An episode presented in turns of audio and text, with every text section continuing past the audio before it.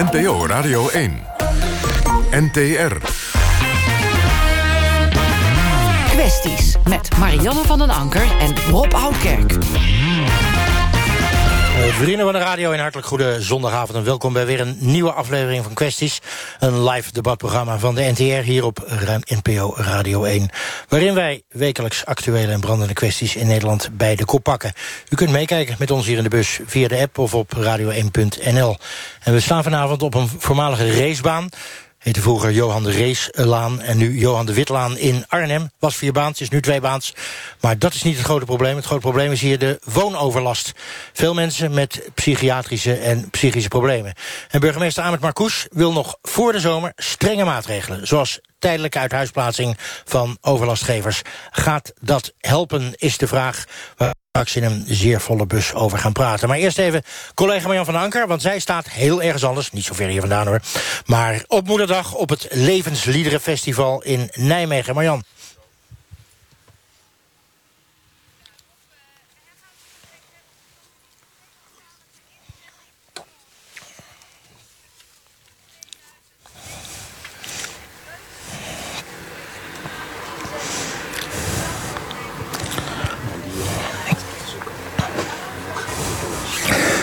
Ik ga er graag naar luisteren. Je bent nu al op groot volume te horen. Zoals altijd op zondag is er voetbal. En dit is volgens mij de laatste wedstrijd van... misschien wel de leukste wedstrijd van het jaar. Namelijk de play-offs voor promotiedegradatie van de eredivisie. Vanavond valt de laatste beslissing voor de finalisten Roda tegen Almere. En Frank Wielaert zit daar, denk ik, bij Roda. Frank. Ja, dat klopt. Het zijn uh, alleen de halve finales. De echte beslissingen volgen in de volgende ronde. Maar dit is wel een belangrijke voor Rode SC. Verliezen ze deze, dan gaan ze namelijk uh, niet naar de volgende ronde. En degraderen ze dus uit de Eredivisie. Sterker nog, als ze gelijk spelen, anders dan 0-0, is dat ook het geval. Dan verliezen ze dus ook. En gaan ze ook volgend jaar in de eerste divisie spelen in plaats van de eredivisie. En degraderen ze dus. Voor Rode SC valt of staat een heleboel met uh, deze wedstrijd tegen Almere City. De eerste wedstrijd afgelopen week eindigend in 0-0. Daar had Rode SC eigenlijk zijn uitdoelpuntje moeten maken. Dat hebben ze niet gedaan. En daardoor zit er heel veel druk voor de ploeg uit Kerkrade op deze wedstrijd. Die ploeg uit Almere, uh, Almere City die hebben veel minder druk. Die mogen winnen, die mogen gelijk spelen anders dan 1, uh, dan 0-0. En dan gaan ze naar de finale van de play-offs. Tegenstander daarin is al bekend, dat is de Graafschap. Maar... Uh, dan mogen die twee ook promoveren. De Graafschap wil dat veel liever nog dan Almere City. Die zijn er eigenlijk nog niet klaar voor. Maar die zitten er wel klaar voor. En het zou zomaar kunnen tegen Rode SC. Want hoe nerveus is de ploeg uit Limburg in de openingsfase behoorlijk. Ze hebben wel veel de bal, maar nog geen kansen gehad. Het staat nog 0-0. Van Willa, dankjewel. En we komen straks weer bij je terug. We gaan het hier in Arnhem, zoals gezegd, zometeen hebben over het uitzetten van psychiatrische patiënten uit hun woning. Maar eerst naar Nijmegen. U hoorde haar net al. Marjan van der Anker. Leuke moederdag gehad, Marjan? Ja, dat zeker. En mede omdat ik hier al vanaf vanmiddag op het uh, festival ben in Nijmegen met de Dag van het Levenslied. Dat is uh, hier een festival Miel voor de 36e keer. Uh, ik was er niet vanaf het begin bij, maar ik heb me laten vertellen dat dat klopt, ja. ja. Het is hier feest, heel veel covers van dat Nederlandstalige lied. En we zijn er natuurlijk naartoe getogen, omdat we gisteren het Eurovisie Songfestival hadden. Welen, zijn optreden stond natuurlijk als een huis, maar toch 18e geworden. Wij gaan het hier vandaag hebben over dat Nederlandstalige lied, het levenslied, de Smart Lab. En wellicht ook of dat we daar niet een keer een inzending weer van moeten maken. 2019 met een lied in onze eigen moerstaal. Tegelijkertijd pak het wat breder op. Is het Nederlandstalige lied in verval? Of is het juist zo dat het voor een bepaald specifiek deel van Nederland gewoon zo aantrekkelijk is dat het niet op de radio verder vertoond en gehoord hoeft te worden? Daarover? Ja, dat zegt Paul van de Tristo's. Jij hebt uh, je eigen mening over dat Songfestival. Of er een Nederlandstalig lied naartoe moet. Wat vind jij? Ik vind dat eigenlijk uh, liedjes zijn voor het publiek. En de belangrijkste taal voor het publiek is de taal van de liefde. En niet zozeer de lokale taal. Eigenlijk heb je het gisteren al kunnen zien. Welen zong vanuit zijn hart. Israël zong vanuit zijn hart. Ik denk dat dat de belangrijkste taal is die we zouden moeten sturen volgend jaar. Taal van het hart. Nou, we hebben het aan uh, Koos Alberts gevraagd, die hier vanmiddag optrad. U kent hem waarschijnlijk allemaal wel, omdat hij in 1984 doorbrak met zijn lied ik verscheurde je foto. Ik heb je brief verbrand. Wie kent hem niet? Hij kwam hier naartoe helemaal door de blubber. Want vanmiddag regende het hier met zijn rolstoel. En ik vroeg hem direct na zijn optreden of dat hij naar het Songfestival heeft gekeken. Nee, ik moest uh, zingen om half twaalf, s'avonds. Dus ik heb onderweg wel uh, op Facebook wat gezien. En uh, ja, het is zonder dat hij 18 geloof ik geworden is. Hè? Ik hoop dat het ook een keer gewoon een eigen taal gezongen wordt. We hebben natuurlijk Sineke gehad acht jaar geleden. Vond je dat ook goed? Mij zit dat heel goed. Ik ga ook niet de hele avond meer zitten ervoor. Want ik vind als je... Wie nou gewonnen hebt, als je een kip nadoet... dan kan je altijd winnen. Nog één laatste vraag over dat Songfestival. Wordt het niet eens tijd dat er weer een Nederlandstalige inzending komt na acht jaar, na Sineke? Ja, dat mag wel, ja. Laat ze mij maar sturen. Met welk nummer ga je dan? Niemand zal mijn tranen zien. Kan je er een klein stukje van zingen? Niemand zal mijn tranen zien. Niemand zal me nooit zien huilen. Niemand zal mijn tranen zien. Maar ben ik alleen, dan huil ik om jou. Nou, Paul van der Tristo's zei net al, wat mij betreft gaat het om de taal van de liefde. En hoeft het niet noodzakelijkerwijs een Nederlandstalig nummer te zijn, de inzending van 2019. Miel Verstappen vanuit dit bestuur, de Dag van het Leefziet. Wat vind jij?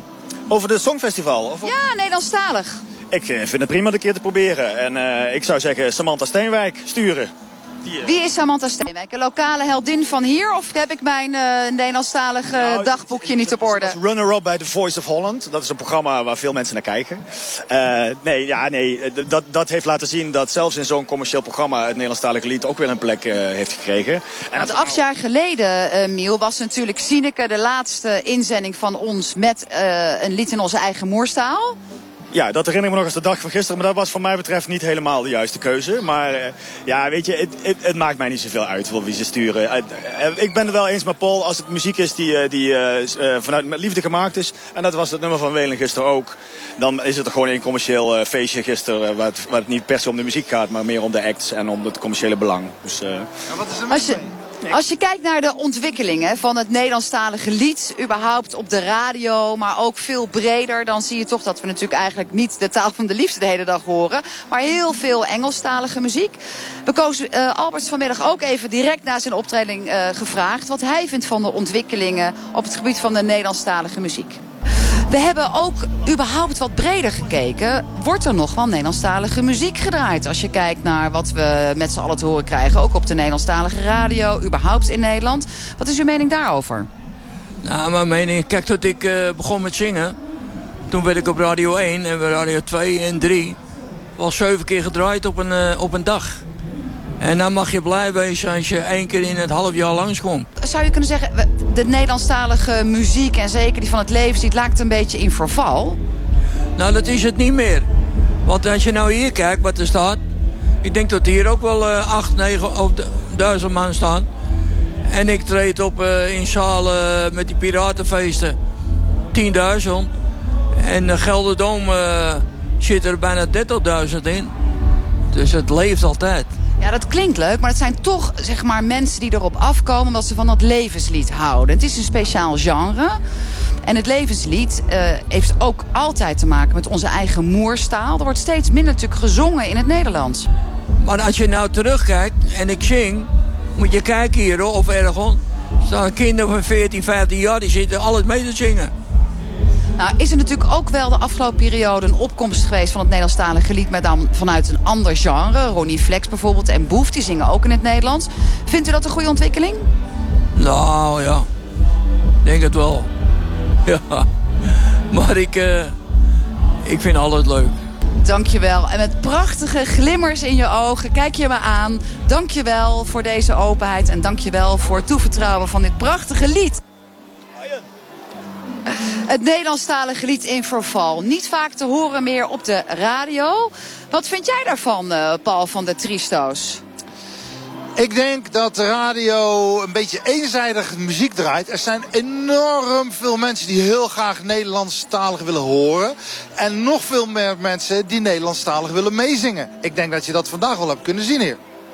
Marieke, jij komt net van het podium af op je sokken in een rode tutu, gouden ketting op. Uh, de zaal ging plat toen jullie toch eigenlijk allemaal koffers zongen. Dat Nederlandstalige lied leeft, in ieder geval hier op dat festival. Maar op de radio hoor je het zo weinig. Wat vind jij daarvan? Ja, dat is, dat is jammer voor de mensen die het echt uh, beleven en willen beleven. Zoals je het vandaag zag, is het wel met een dikke vette knipoog. Dus ik vind humor en Nederlandstalig vind ik ook altijd een fijne combinatie.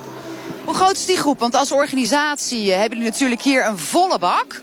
Maar ja, je zou ook kunnen zeggen, het is toch een beetje een associatie. Zeker het levenslied met mensen die laag sociaal zijn opgeleid. Een beetje kroegpubliek. Associatie, ja, maar ik denk dat je hier ziet dat het heel erg goed samengaat. Ik denk dat de helft van de mensen uh, deze muziek thuis draait. En de andere helft vooral in de kroeg en op een feestje. En, en allebei evenveel kunnen genieten ervan. En dat is eigenlijk juist heel erg leuk. Het is eigenlijk een soort sociaal uh, project wat wij hier doen. Dat is, Als ik aan mag toevoegen, een derde van alle mensen uh, die gaan trouwen, die scheiden. En al die mensen hebben enorm veel verdriet en pijn in hun hart.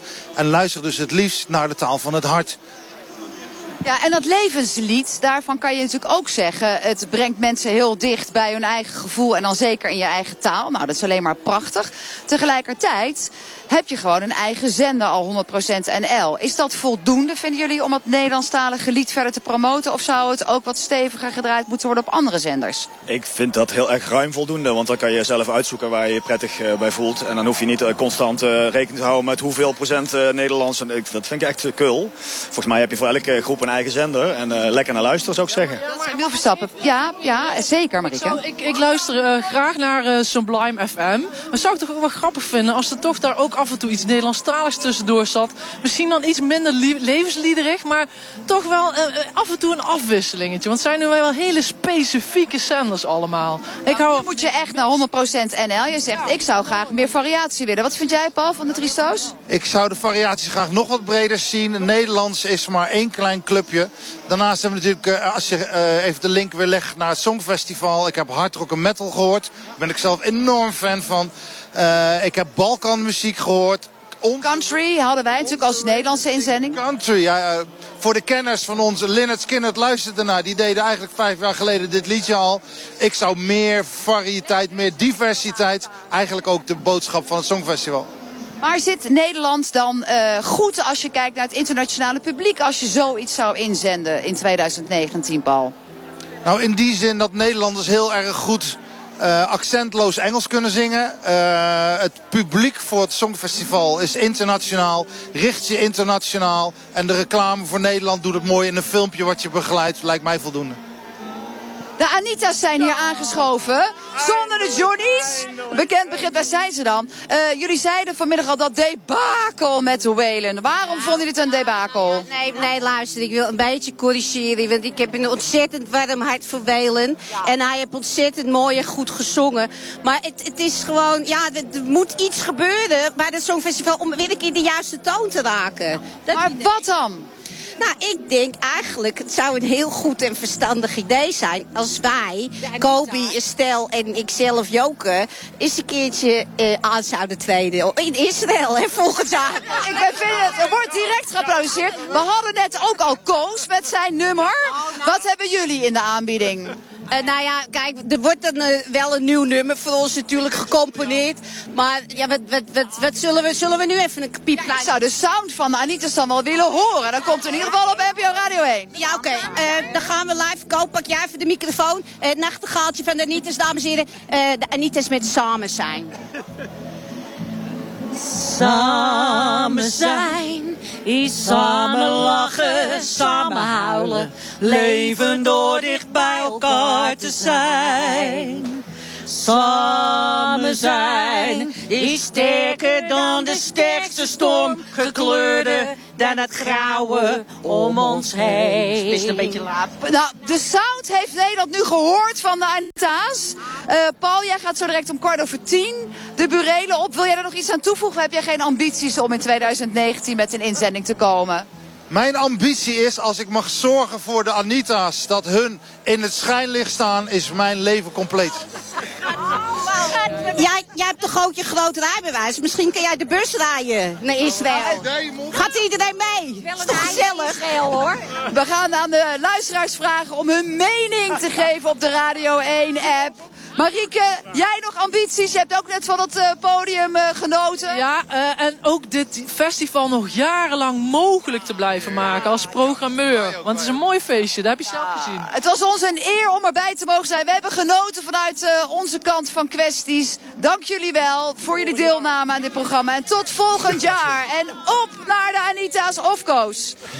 Dankjewel Marianne. En gezien jouw kunde en kunsten zou het me niet verbazen als jij vanavond ook nog een optreden gaat verzorgen. Samen zijn van de Anita's, ja, dat is misschien ook wel het uh, onderwerp waar wij het nu over gaan hebben. Burgemeester Ahmed Marcouch van Arnhem wil namelijk voor de zomer een veiligheids- en leefbaarheidsplan invoeren.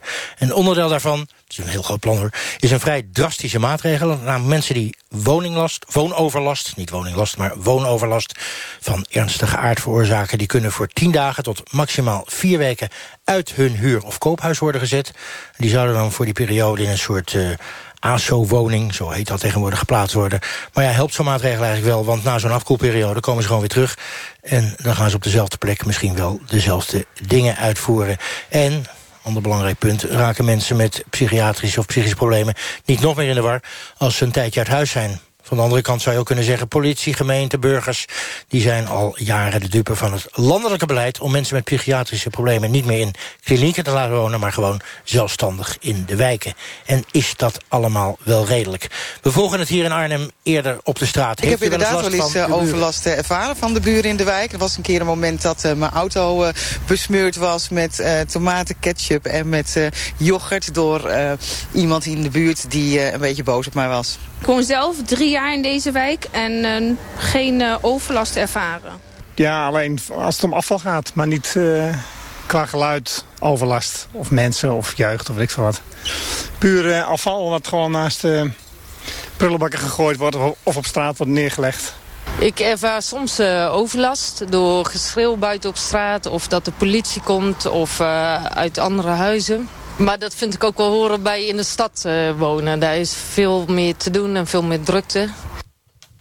Veel meer drukte. Arno van Zanten woont hier al elf jaar. Johan de Wittelan, met plezier? Ja hoor, met heel veel plezier. Het is uh, op loopafstand van het centrum, een ontzettend mooie wijk. Dus die overlast neem je een beetje op de koop toe?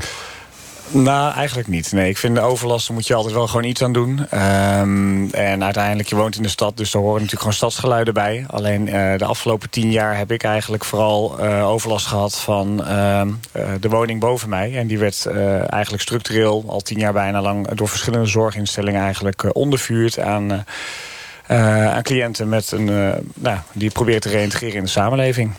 Dat is toch mooi dat ze dat willen proberen? Ja, dat, dat is hartstikke mooi. En ik denk ook dat het heel belangrijk is. En dat uh, er moeten ook goede plekken voor zijn. Maar het begint sowieso, denk ik, met een goede plek. En uh, dit is in ieder geval... Ik woon in een jaren 30 woning. En heeft iedereen denk ik wel beeld bij dat dat uh, redelijk gehoorig is. En nou dat, dat, dat je dan toch wel wat verbouwing moet doen als je als je... jongeren wilt opvangen in zo'n plek. Uh, Oké, okay, snap ik. Maar dit klinkt een beetje als not in, he, allemaal prima, maar not in my backyard. Is dat een beetje wat ik hoor of is dat niet aardig? Nee, ook niet helemaal. Tenminste, ik, uh, ik ben wel iemand die mijn verantwoordelijkheid wil nemen... dat, dat dingen ook, uh, dat het ook gewoon om je heen gebeurt. Maar wel op een goede manier. Ik heb zelf ook in een jeugdinrichting gewerkt. Dus ik weet soms ook wat die jongeren nodig hebben. Hey, maak even concreet voor de luisteraars. Noem eens een paar concrete dingen waar je nou echt die overlast van hebt. Door lawaai kan ik me iets meer voorstellen. Wat is meer? Nou, uh, van drugshandel, prostitutie, uh, cliënten die uh, suicidaal zijn... Ehm, die uh, s'avonds uh, nou ja, inderdaad dealen of uh, andere activiteiten Kortom, het, het, hele spectrum. Het hele spectrum komt voorbij. Nou, heb je je maatschappelijke verantwoordelijkheid genomen, zou je kunnen zeggen? Want je hebt een app ontwikkeld, een buurtapp. Wat, wat, wat doet die buurtapp? Uh, nou, de app is niet zozeer mijn maatschappelijke verantwoordelijkheid... maar dat is meer inderdaad om te voorkomen dat, dat bepaalde dingen escaleren. Dus nou de ja, buurtapp is, bedoeld inderdaad dat we snel kunnen schakelen... dat als er iets gebeurt, uh, de wijkagent zit daarin, andere bewoners zitten daarin. Uh, dus de mensen die een rol zouden kunnen spelen, zitten daarin. Eh, en met name omdat als je overlast hebt, dan is het allerbelangrijkste dat je, eh, dossiervorming. Dus ja, je hebt eh, in ieder geval foto's nodig, je hebt okay, getuigen nodig. Zou je die app succesvol kunnen noemen? Ik bedoel, is de overlast daardoor iets verminderd? Dat is natuurlijk succes. Nee, ja, het, het heeft een beetje geholpen. En vooral inderdaad om elkaar te informeren. En nou ja, zowel voor bewoners als ook voor cliënten. Ik bedoel, ja, je kunt wel gewoon makkelijker met elkaar dingen in de gaten houden. En als het vooral waarom die ingegevens... dat is helaas een beetje een, uh, een pijnlijk voorbeeld... maar we hebben gewoon heel veel schade gehad. Ik kom straks bij je terug. Uh, eerst naar Gerry uh, Elfrink. Acht jaar wethouder geweest voor de SP. Ik geloof dat jullie nu meer in, niet meer in het college zitten. Klopt, ik ben nu fractievoorzitter. En op dit Ook moment... een mooie baan, toch? zeker, omdat het mij in staat stelt om onderzoek te doen. Ik doe op dit moment onderzoek naar woonoverlast. Al een tijdje.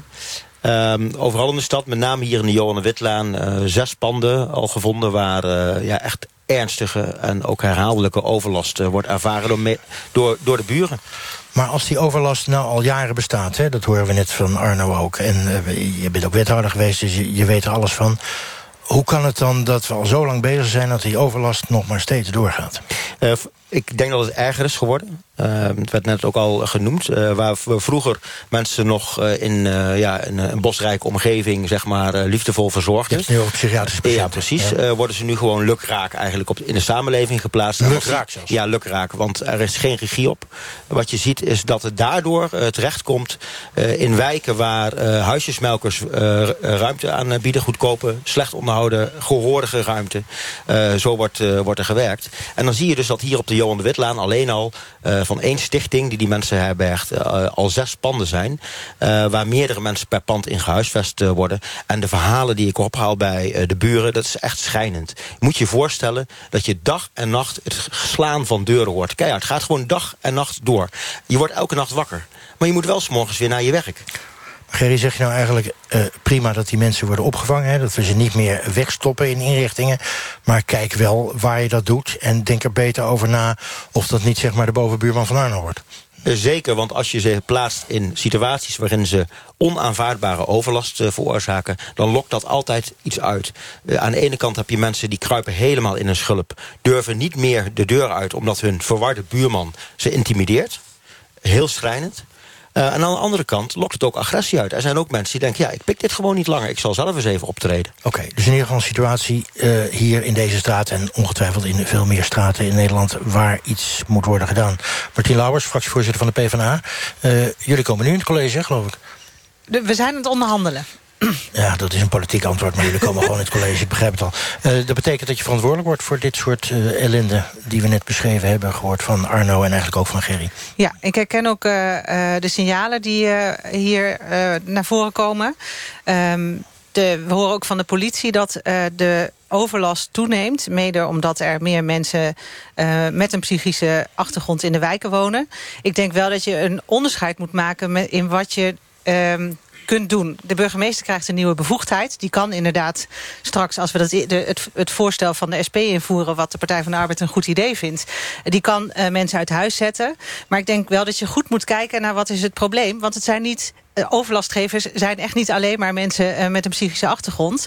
En ik denk juist dat begeleiding en uh, inderdaad goed kijken naar waar, waar huisvest je de mensen, dat dat heel essentieel is. Dus ik denk niet dat je het één op één helemaal aan elkaar kunt koppelen. Maar, er zijn ook bewoners die nou ja, op een andere manier het hun buren heel moeilijk maken. Ja, nou, dat is wel interessant wat je zegt. Een beetje die stigmatisering van, nou ja, het zijn psychiatrische patiënten. Die worden weggezet, zeg maar, in woonwijken. En die veroorzaken die overlast. Zo één op één is het niet. Nee, ik woon zelf in een volkswijk uh, hiernaast, uh, in Klarendal. En uh, um, nou ja, ik ken ook mijn buren en ik weet ook welke buren er wat... nou ja, er zijn buren die van elkaar behoorlijk veel overlast ervaren. en dat zijn soms ook ja, ja, mensen die... Je kunt er heel moeilijk iets aan doen. En het is dus goed dat er nu uh, extra maatregelen zijn. Maar ik vind wel dat je, uh, als, je, als het over de zorg gaat... je ook heel zorgvuldig moet kijken naar wat is nou de oplossing. We gaan daar straks verder over praten. Ook hier in de bus uh, Bart Jensen van de stichting Onderdak. Wat is de stichting Onderdak precies? Uh, Stichting Onderdak is een uh, ambulante zorginstelling... die zich inzet voor mensen die uh, sociaal-maatschappelijk in de knel zitten... en niet meer door de reguliere hulpverlening geplaatst geholpen kunnen worden. Oké, okay, dat lijkt me een hele duidelijke zin. Maar dan heb ik eigenlijk ook een hele duidelijke vraag. Waarom plaatsen jullie eh, ernstig verwarde mensen... of mensen met ernstige psychiatrische problematiek... midden in een woonwijk? Eh, wij hebben nou, diverse eh, woningen of eh, eh, woningen in, eh, in de wijken. Eh, het zijn mensen die vanuit eh, de wijkteams eh, aangemeld worden. Eh, wijkteams die eigenlijk ook niet meer weten wat ze met, eh, Wat ze ermee de aan klant- moeten, met wat ze ermee aan moeten. En dan bieden wij dus inderdaad eh, eh, huisvesting... om in ieder geval voor te zorgen dat ze, waar ze dus vandaan kwamen... er- ergens anders geplaatst kunnen worden. Heel nobel en heel mooi en heel sociaal. Maar ehm, eh, kunnen jullie die mensen de begeleiding geven... waardoor ze in ieder geval wat minder overlast geven... wat meer gestructureerd in die samenleving terechtkomen? Of heb je die begeleiding niet? Ja, wij hebben gewoon, eh, daar komt dan intensieve begeleiding op, afhankelijk van wat voor indicatie er ook wordt afgegeven. En wat is intensief in dit geval? Intensief, dat het in ieder geval altijd 24 uur per dag eh, een bereikbaarheidsdienst is. En aan aan de hand van, afhankelijk van de indicatie wordt afgegeven het aantal uren eh, face-to-face contactmomenten. Dan krijgen jullie veel kritiek hè, als jullie al die mensen Mm. plaatsen. Je krijgt ook wel eens agressie tegenover je. Van hè, medewerkers van jullie krijgen allerlei agressie. Eh, Kan je daar iets van voorstellen? Of iets bij voorstellen? Kunnen de vraag nog Nou, kan je er iets bij voorstellen dat jullie zoveel kritiek over je heen krijgen... en Ja. zoveel agressie? Want eh, het is natuurlijk niet mals wat je doet. Nee, precies. En wij eh, bedienen eigenlijk de meest complexe doelgroep. En het wordt ook vaak gezien dat wij inderdaad degene zijn... die de problemen eigenlijk veroorzaken of met zich meebrengen. Terwijl wij juist... voor, voor- Jullie, terwijl, terwijl- jullie kiezen er wel voor om deze mensen eh, in eh, huisvesting te plaatsen... die daar echt absoluut niet voor geschikt eh, is. Vanwege de overlast die veroorzaakt wordt voor de buren. Ik- en ik bezoek ook jullie cliënten. hè. Ik bel daar dan aan. En ik, niet altijd word ik binnen te gelaten en te woord gestaan... omdat mensen vaak bang zijn. Maar ik was hier op de Johan Witlaan bij een cliënt van jullie. Doet open. Het eerste wat hij doet is mij een biertje aanbieden. Gaat daarna een joint draaien. En vervolgens gaat hij mij vertellen dat hij een super DJ eh, is. Eh, maar eh, ja, optredens doet hij dan maar niet, want dat is te commercieel. En vervolgens laat hij me zijn geluidsinstallatie zien. Met luidsprekers zo groot als koelkasten. En dan gaat hij vrolijk staan draaien. De hele woning is één verwaarloosde bende. Ja, ik zie de begeleiding er niet in terug. Sorry dat is ik het zeggen. Gerry, punt is duidelijk. Ehm, eh, eh, Bart, eh, dat, dat is toch wel lastig, zoiets. Daar moet je toch mee dealen. Met de kritiek bedoel je? Of, ja, nee, maar dit, dit, lijkt me, dit lijkt me niet zozeer kritiek. Dit lijkt me meer een beschrijving van een feitelijke situatie. En wat doen jullie dan?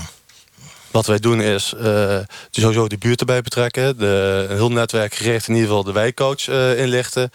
Uh, desbetreft bewindvoering, woningbouw, afhankelijk van ehm, ja, waar ze dan gehuisvest zijn. Arno, ja, doen daar vervolgens in ieder geval een, een soort een oplossing voor te okay, vinden. duidelijk. Arno? Ja, maar uh, net wat je zegt, dat doen jullie juist niet. De buurt betrekken. Ik heb er nadrukkelijk om gevraagd. Als ik cliënten van jullie boven mij krijg... en ik heb alles afgelopen tien jaar meegemaakt... van mensen die zelfs suicidaal zijn... waarbij de politie ook gewoon regelmatig aan de deur komt... verschillende zorginstellingen.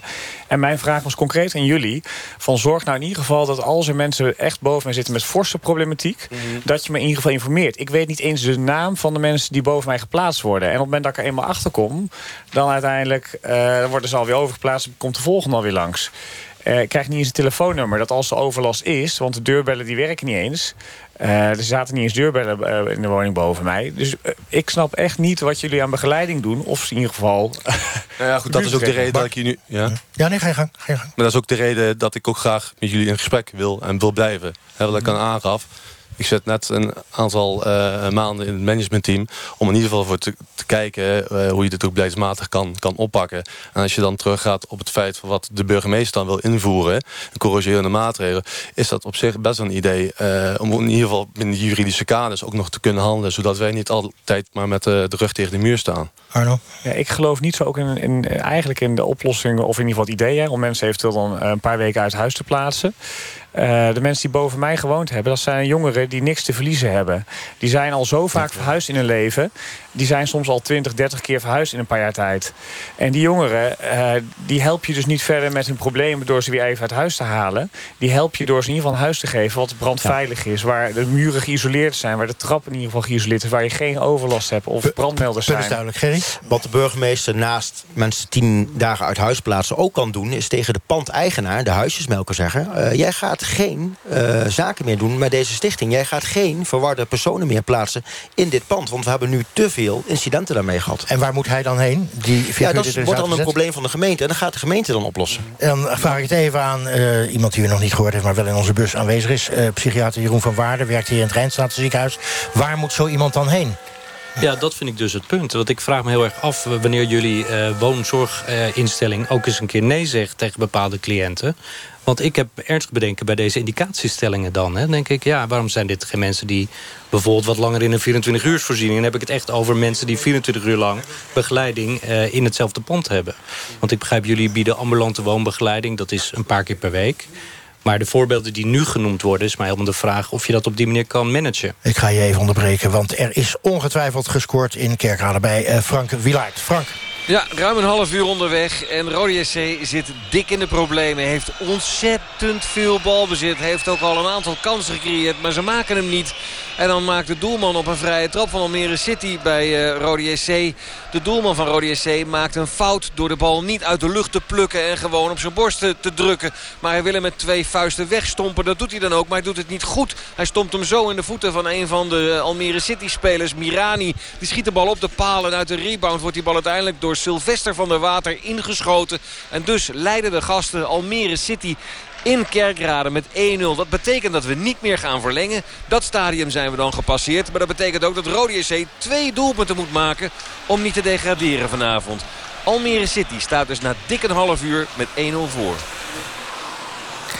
Dankjewel uh, vanuit Kerkrade. We horen ongetwijfeld nog meer. Uh, wij staan met de NPO Radio 1-bus hier in Arnhem.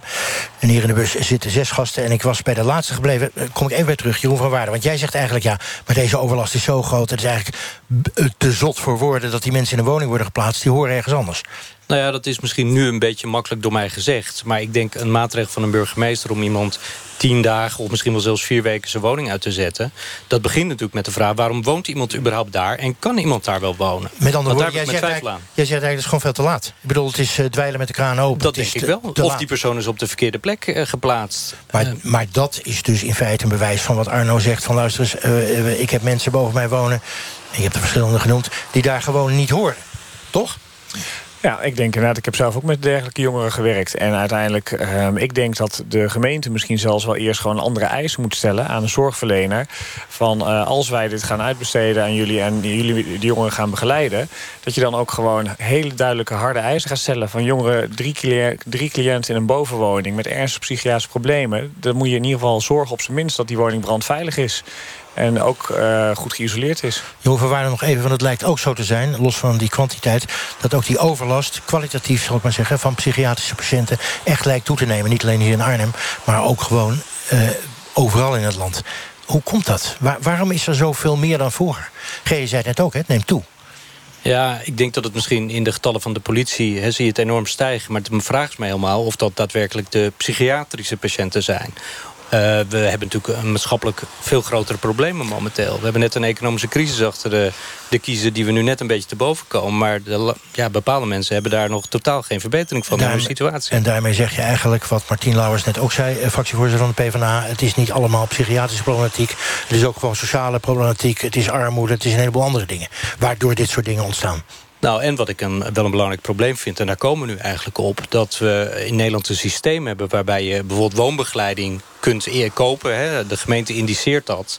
En hoe indiceert die gemeente dat dan? En waarom indiceren ze bij zo'n heel ingewikkelde jonge uh, vrouw... zoals jij dat net mm. vertelt, Arno... Uh, voor twee keer uh, vier uur per week? Dat vraag ik me dan af. Waar, waar komt die indicatiestelling vandaan? G. Elverink, acht jaar wethouder geweest. kan de gemeente het eigenlijk wel? Weten die eigenlijk wel waar ze het over hebben bij dat indiceren? Natuurlijk is voor de gemeente nu allemaal nieuw... omdat eigenlijk uh, allemaal op de gemeente is afgekomen. Maar de gemeente moet uh, ook eerlijk zijn. Dit gaat niet goed. En dan moeten we het anders gaan organiseren. Uh, hele moeilijke gevallen moet je niet in een woonwijk gaan plaatsen. Zeker niet in kwetsbare woonwijken. We hebben hier een enorme aanpak... omdat het een achterstandswijk is. Ja, heel raar om dan hier eigenlijk busladingen... verwarde personen te huisvesten. zorg voor beschermde omgeving. zodat die cliënten ook veilig zijn zijn. Oké, wat jullie eigenlijk met z'n allen zeggen is... Um, wij zijn naar Arnhem gekomen over de maatregel te praten... om die mensen 14 dagen of misschien wel langer uit hun huis te zetten. Maar eigenlijk hoor ik hier een beetje de tendens van... ja, maar jongens, dat is eigenlijk um, uh, dweilen met de kraan open. Je moet van tevoren misschien die mensen daar helemaal niet eh, neerzetten. Ehm, ik ga het even vragen aan Jeroen Zwaal. Eh, komt ook uit Arnhem. Je zou kunnen zeggen, de, de enige echte ervaringsdeskundige hier. Want waarom ben jij ervaringsdeskundige? Nou, ehm, ja, ik zit hier tenen krommen te luisteren met termen als de verwarde personen... en eh, busladingen vol verwarde personen. Of we gaan, wat je net zei, huisjesmelken aangeven dat de verwarde persoon niet in een huis geplaatst mag worden. Ja, Ja, wat is dan precies. de verwarde persoon? Hier zit een verwarde persoon. Namelijk jijzelf? Ja. Nou, vind ik je er niet zo geweldig verward uitzien. Nee, daarom. Nou, dus dat is meteen de nuance. Ja? Ik was op mijn achttiende voor het eerst psychotisch. En ik heb een heel verhaal met allemaal moeilijke dingen en ellende. Ik ben vijf keer psychotisch geweest, maar ik heb gewoon een koopwoning. En ik heb momenten dat het dus heel slecht gaat. Maar de rest van mijn leven gaat het gewoon heel goed. Maar wacht even, Jeroen. eh, Vind je het dan overdreven, wat er hier gezegd wordt? Ja, ik vind het zo kort door de bocht door te zeggen van... we gaan dat dan maar tegenhouden of de verwarde persoon. Of, zo, zo zit een mens gewoon niet in elkaar. Zo kan je hem ook niet benadrukken. De verwarde persoon bestaat niet. Ja, dat is een goede vraag. Dat was de aanleiding waardoor ik met Bouke Koekoek ben gaan samenwerken. Want die zei dat ook in zijn boek van verward eh, gedrag in Nederland. Toen dacht ik, ho, maar ik ben zelf wel een verward persoon geweest. Dus ik sta wel even nu vandaag een stem te zijn... voor al die mensen die zo even worden weggezet. Toch heb je een app bedacht. Je hebt- een app bedacht en die heet De Verwarde Man. Dat heeft toch iets met de verward te maken. Ja. Wat was de bedoeling van die app? Eh, om aan te tonen, om het aan mensen te kunnen duiden... dat eh, de scheidslijn tussen normaal en verward gedrag... die is niet zo groot. Met andere woorden, we moeten op een andere manier naar overlast kijken. Juist. Niet alleen Veel omdat- genuanceerder. En wat ik dan ook hoor, ehm, juist de verhalen van de buurt, van netwerken, ehm, politie, er moet veel meer samengewerkt worden. Er moet veel meer verbinding worden gecreëerd. Weet je, mensen, verwarde Ik vind mensen, het allemaal moet, heel mooi, hè? Er, er moet een kring omheen komen te staan van betrokkenen en dan met elkaar en dan vooral de persoon zelf. Die moet vooral regie hebben van wat wil hij in zijn leven. En die zal ook aangeven dat hij graag in een woning wil wonen... waar de, waar de brandveiligheid klopt. Ik vraag het even aan twee politici. Eerst Gerry Elfrink. Ik ben het helemaal eens met wat jij zegt. Maar waar we het hier over hebben is onaanvaardbare overlast. Het Mhm. woongenot, elk woongenot van buren wordt totaal verruineerd. Ik heb meerdere verhalen van, van, van ruiten, van huiskamers, van bovenwoningen... die eruit getrapt wordt door patiënten. En het, de glasscherven vallen als messen naar Ja. beneden. Maar dan het moet is je wachten tot het eerste dodelijke slachtoffer. Dan- ja, maar maar- het wordt niet veroorzaakt door eh, stigmatisering. Dat wordt Nou, veroorzaakt zie omdat mensen doen. die... Ja, het wordt veroorzaakt doordat mensen die zichzelf niet kunnen beheersen... en die dit gedrag vertonen, in situaties worden geplaatst... wat gewoon echt Nou, absoluut onverantwoord is. Laat zal die buurman maar zijn. Ja, ik vind het enorm stigmatiserend. En laat ik Ja, vooropstellen dat ik het mee eens ben... dat je een heel duidelijk kader moet hebben. Daar ben ik het heel erg mee eens. Dus zo'n maatregel vind ik heel erg goed. Want ik, ik heb ook gelezen in de wet dat er een bemiddelaar is... en die kan dan een goed gesprek voeren. Als die iets in handen heeft door te zeggen van... joh, maar nou is het klaar. We gaan met jou in gesprek totdat we een oplossing hebben. Maar als je echt niet meewerkt, dan staat dit je te wachten. Het gaat vooral om die signaalfunctie, maar niet het uitvoeren op zich. Ik geloof er echt niet in. Eh, Martin Lauwers van de PvdA. Ehm, toch maar even die vraag. We hebben een groot probleem. Dat probleem is niet alleen maar psychiatrisch. Dat heeft ook andere oorzaken.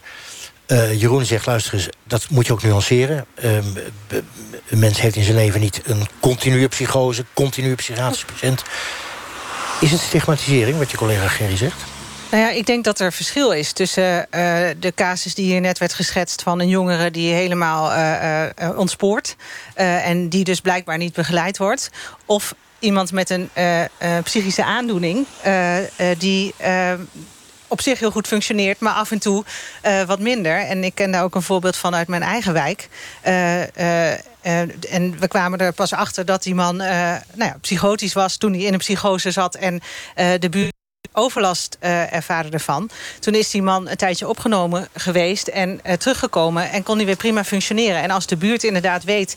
oké, er is iets aan de hand en je kunt zijn zorgcoördinator bellen... en er wordt meteen actie ondernomen... dan escaleert het niet Maar stel je dan, zoals de voorbeelden die Stel hier dat genoemd worden. tien dagen uit wordt gehaald. Stel, die is psychoot in mijn geval. Ik kan me dat dus heel goed voorstellen, want het kan helemaal misgaan. Stel, mijn vrouw overlijdt, ik raak aan de drank en ik ga helemaal onderuit. Word ik psychotisch, krijg ik een brief binnen of een bemiddelaar, ik stuur hem weg. En dan wordt als consequentie, word ik dus tien dagen uit mijn huis geplaatst. dat is geen oplossing.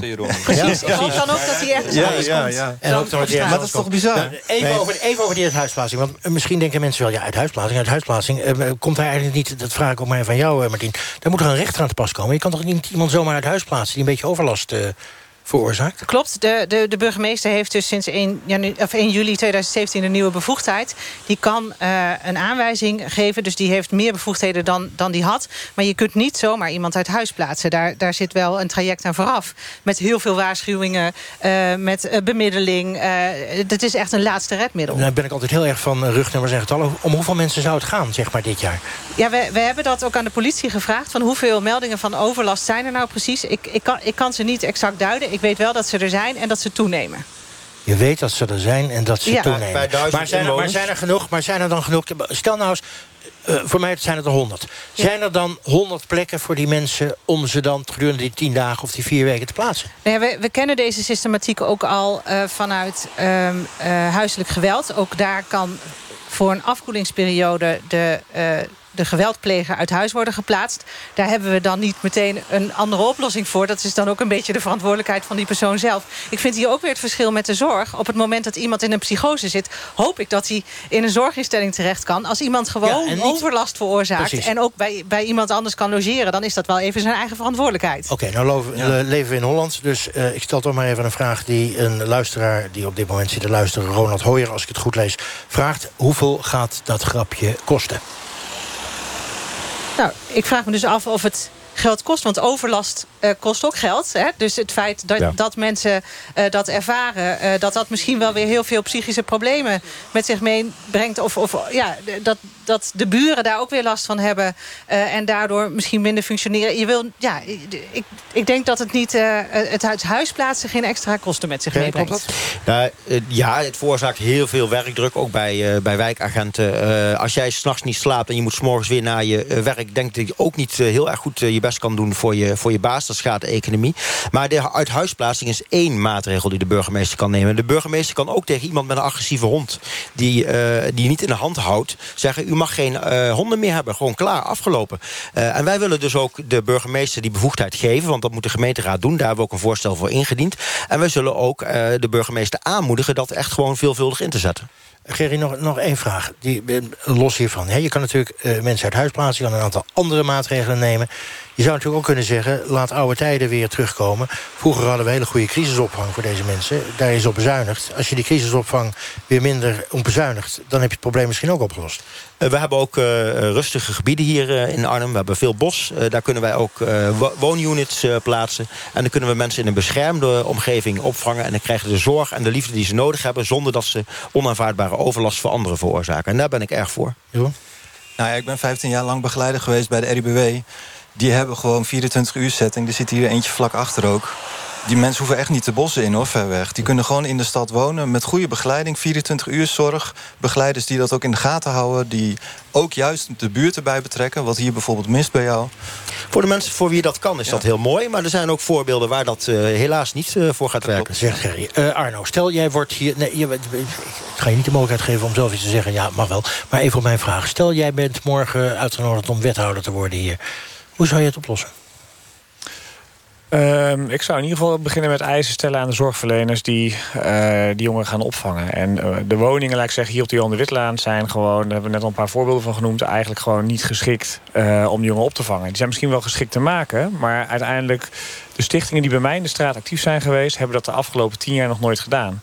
En ik denk dat we daarmee zouden moeten beginnen.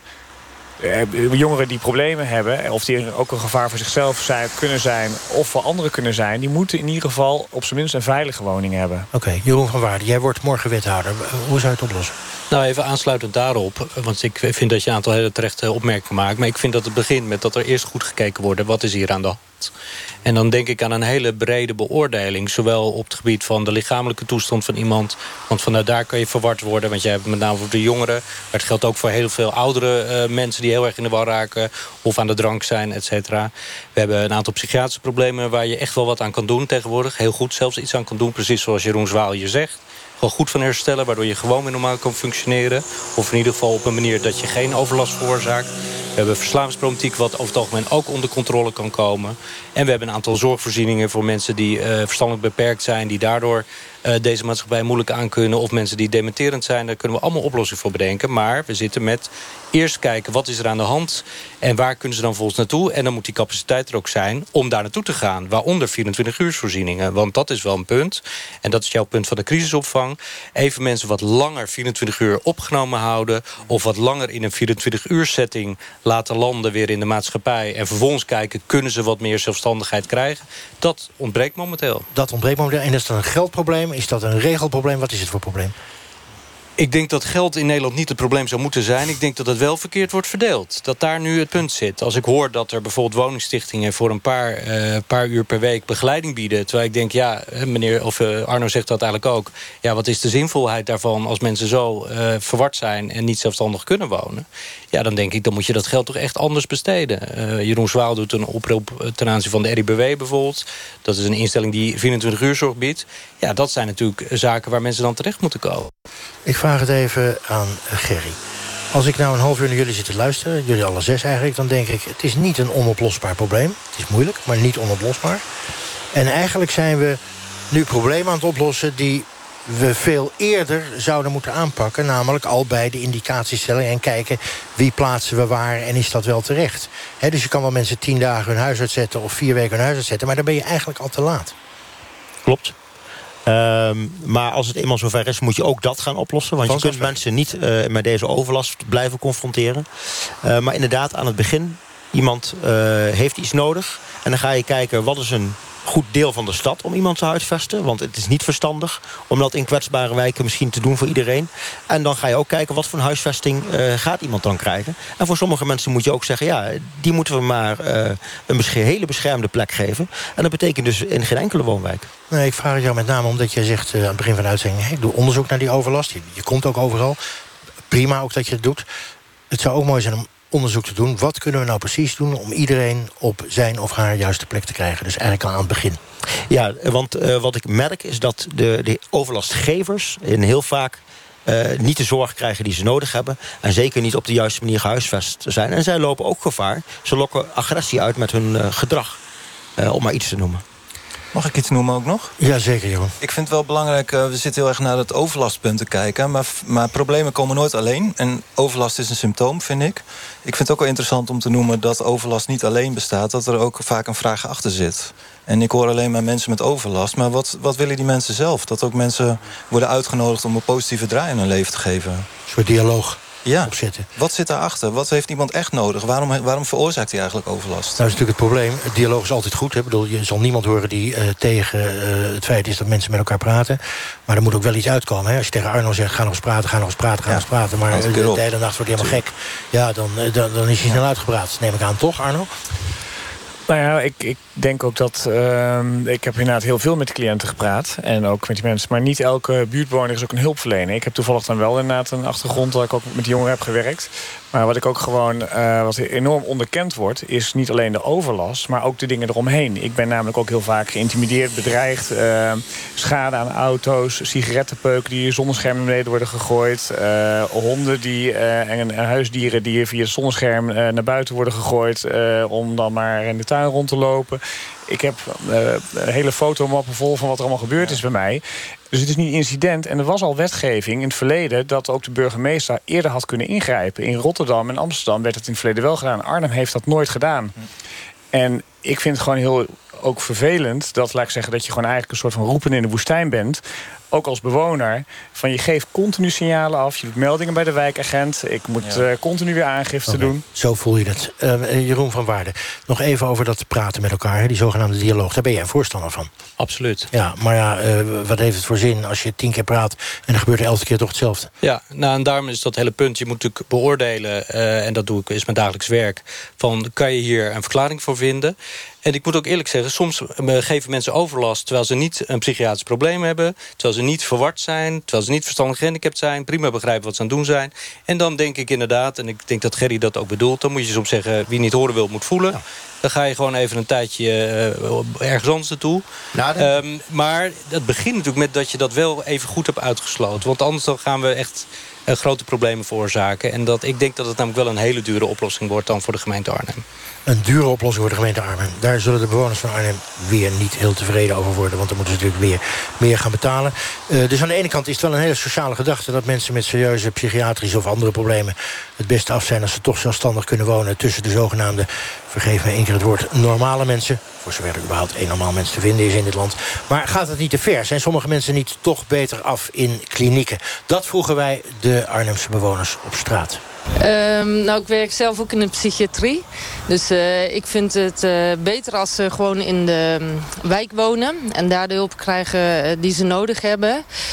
want ze allemaal centreren of opnemen in de kliniek... dan wordt het voor hen ook niet makkelijker om weer onderdeel te worden... van de maatschappij, van de samenleving.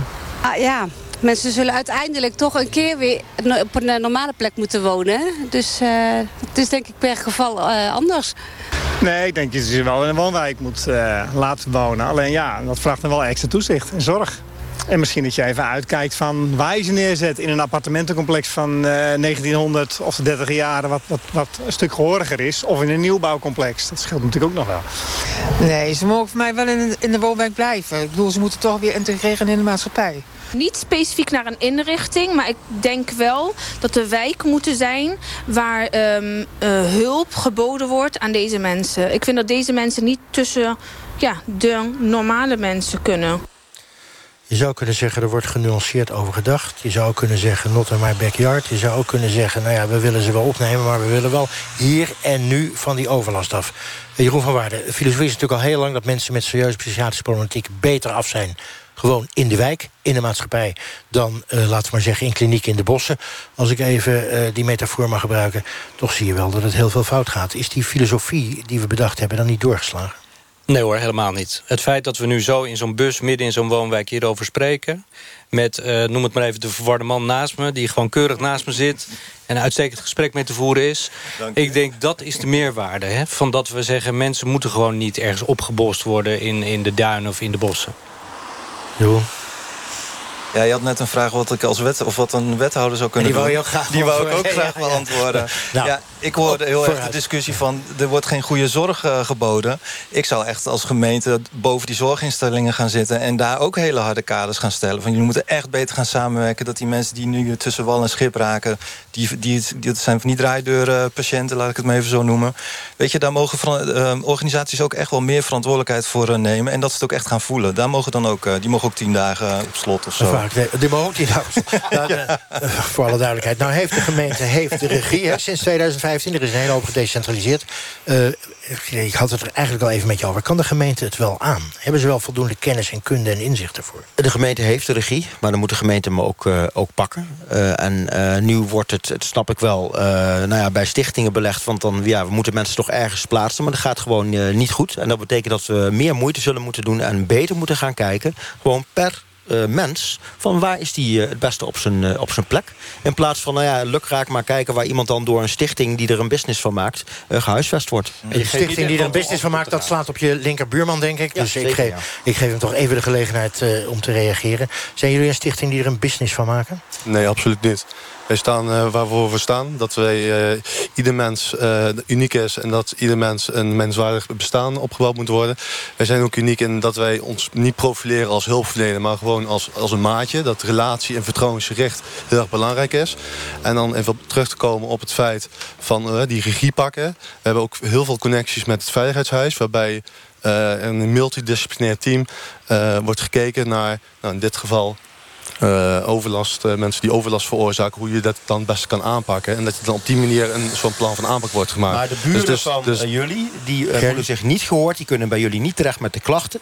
die slapen s'nachts niet, moeten s'morgens wel weer naar hun werk... en daarvoor zijn jullie gewoon niet thuis. Sterker nog, jullie komen niet eens vertellen... dat jullie deze mensen gaan plaatsen als ja, Dat klopt niet helemaal, maar goed. Nou, dat klopt helemaal wel, want nee. dat krijg je van al die mensen te horen. Niet alleen Arno's verhaal is dat. Bart Jensen, waarom klopt het niet? Waarom klopt het niet? Nou, dat, dat doen we juist wel. We, in, in ligt niet. juist wel ik, de ik, ik bel overal aan bij, die, bij mensen die uh, hiernaast wonen, naast de Nou, cliënten van jullie. Dan wil ik eigenlijk een voorstel doen, dan moet je eens een keer meelopen met een ambulant begeleider nou, van Stichting loop, maar eens met mij mee. Uh, want dan zal je dus te horen krijgen nou, dat prima. niemand is geïnformeerd door jullie dat er dus verwarde personen naast hun werden gehuisvest. Arno, ik, ik heb laatste woord, ik, en kort. Ik herken het verhaal van Gerry en ik vind het jammer dat uh, mijn idee is dat jullie echt alleen een stichting zijn die er een businessmodel van maken en een onderdak bieden en niet meer voldoende zorg bieden. En dat zijn, ik al... nee, ik geef je het woord niet meer, want wij zijn aan het einde van deze uitzending. We hebben in ieder geval bereikt dat jullie met elkaar gaan meelopen. Jullie twee campanen die het met elkaar eens zijn. Wie weet wat dat nog oplevert tot zover deze uitzending. We zijn nog niet van de overlast af. Maar we komen terug in Arnhem. Volgende week zondag zijn we er weer. En dan weer ergens anders in ons land. Discussieer met ons mee op onze Facebookpagina van Kwesties. Of mail ons kwesties.ntr.nl. Zometeen, Radiolog. Over een heel interessante documentaire van Hannes Wolraven. Hij maakte namelijk opnames van alle doktersbezoeken... sinds de dag dat een hoesje niet meer wegging. Hij kreeg een doodvonnis en u voelt het al aan, een doodvonnis van de artsen. Maar dat werd later toch weer ingetrokken. Tot zover vanavond, tot zover Arnhem, tot zover een wijk waar het eigenlijk op dit moment heel rustig is. Ik wens u een mooie zondagavond.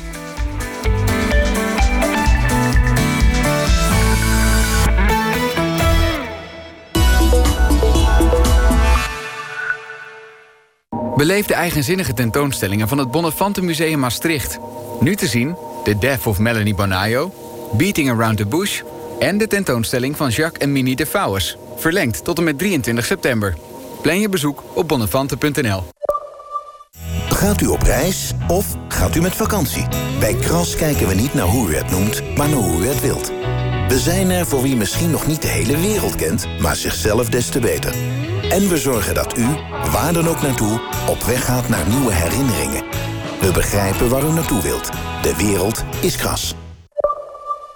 Als ik later dood ben, ga ik kinderen inenten.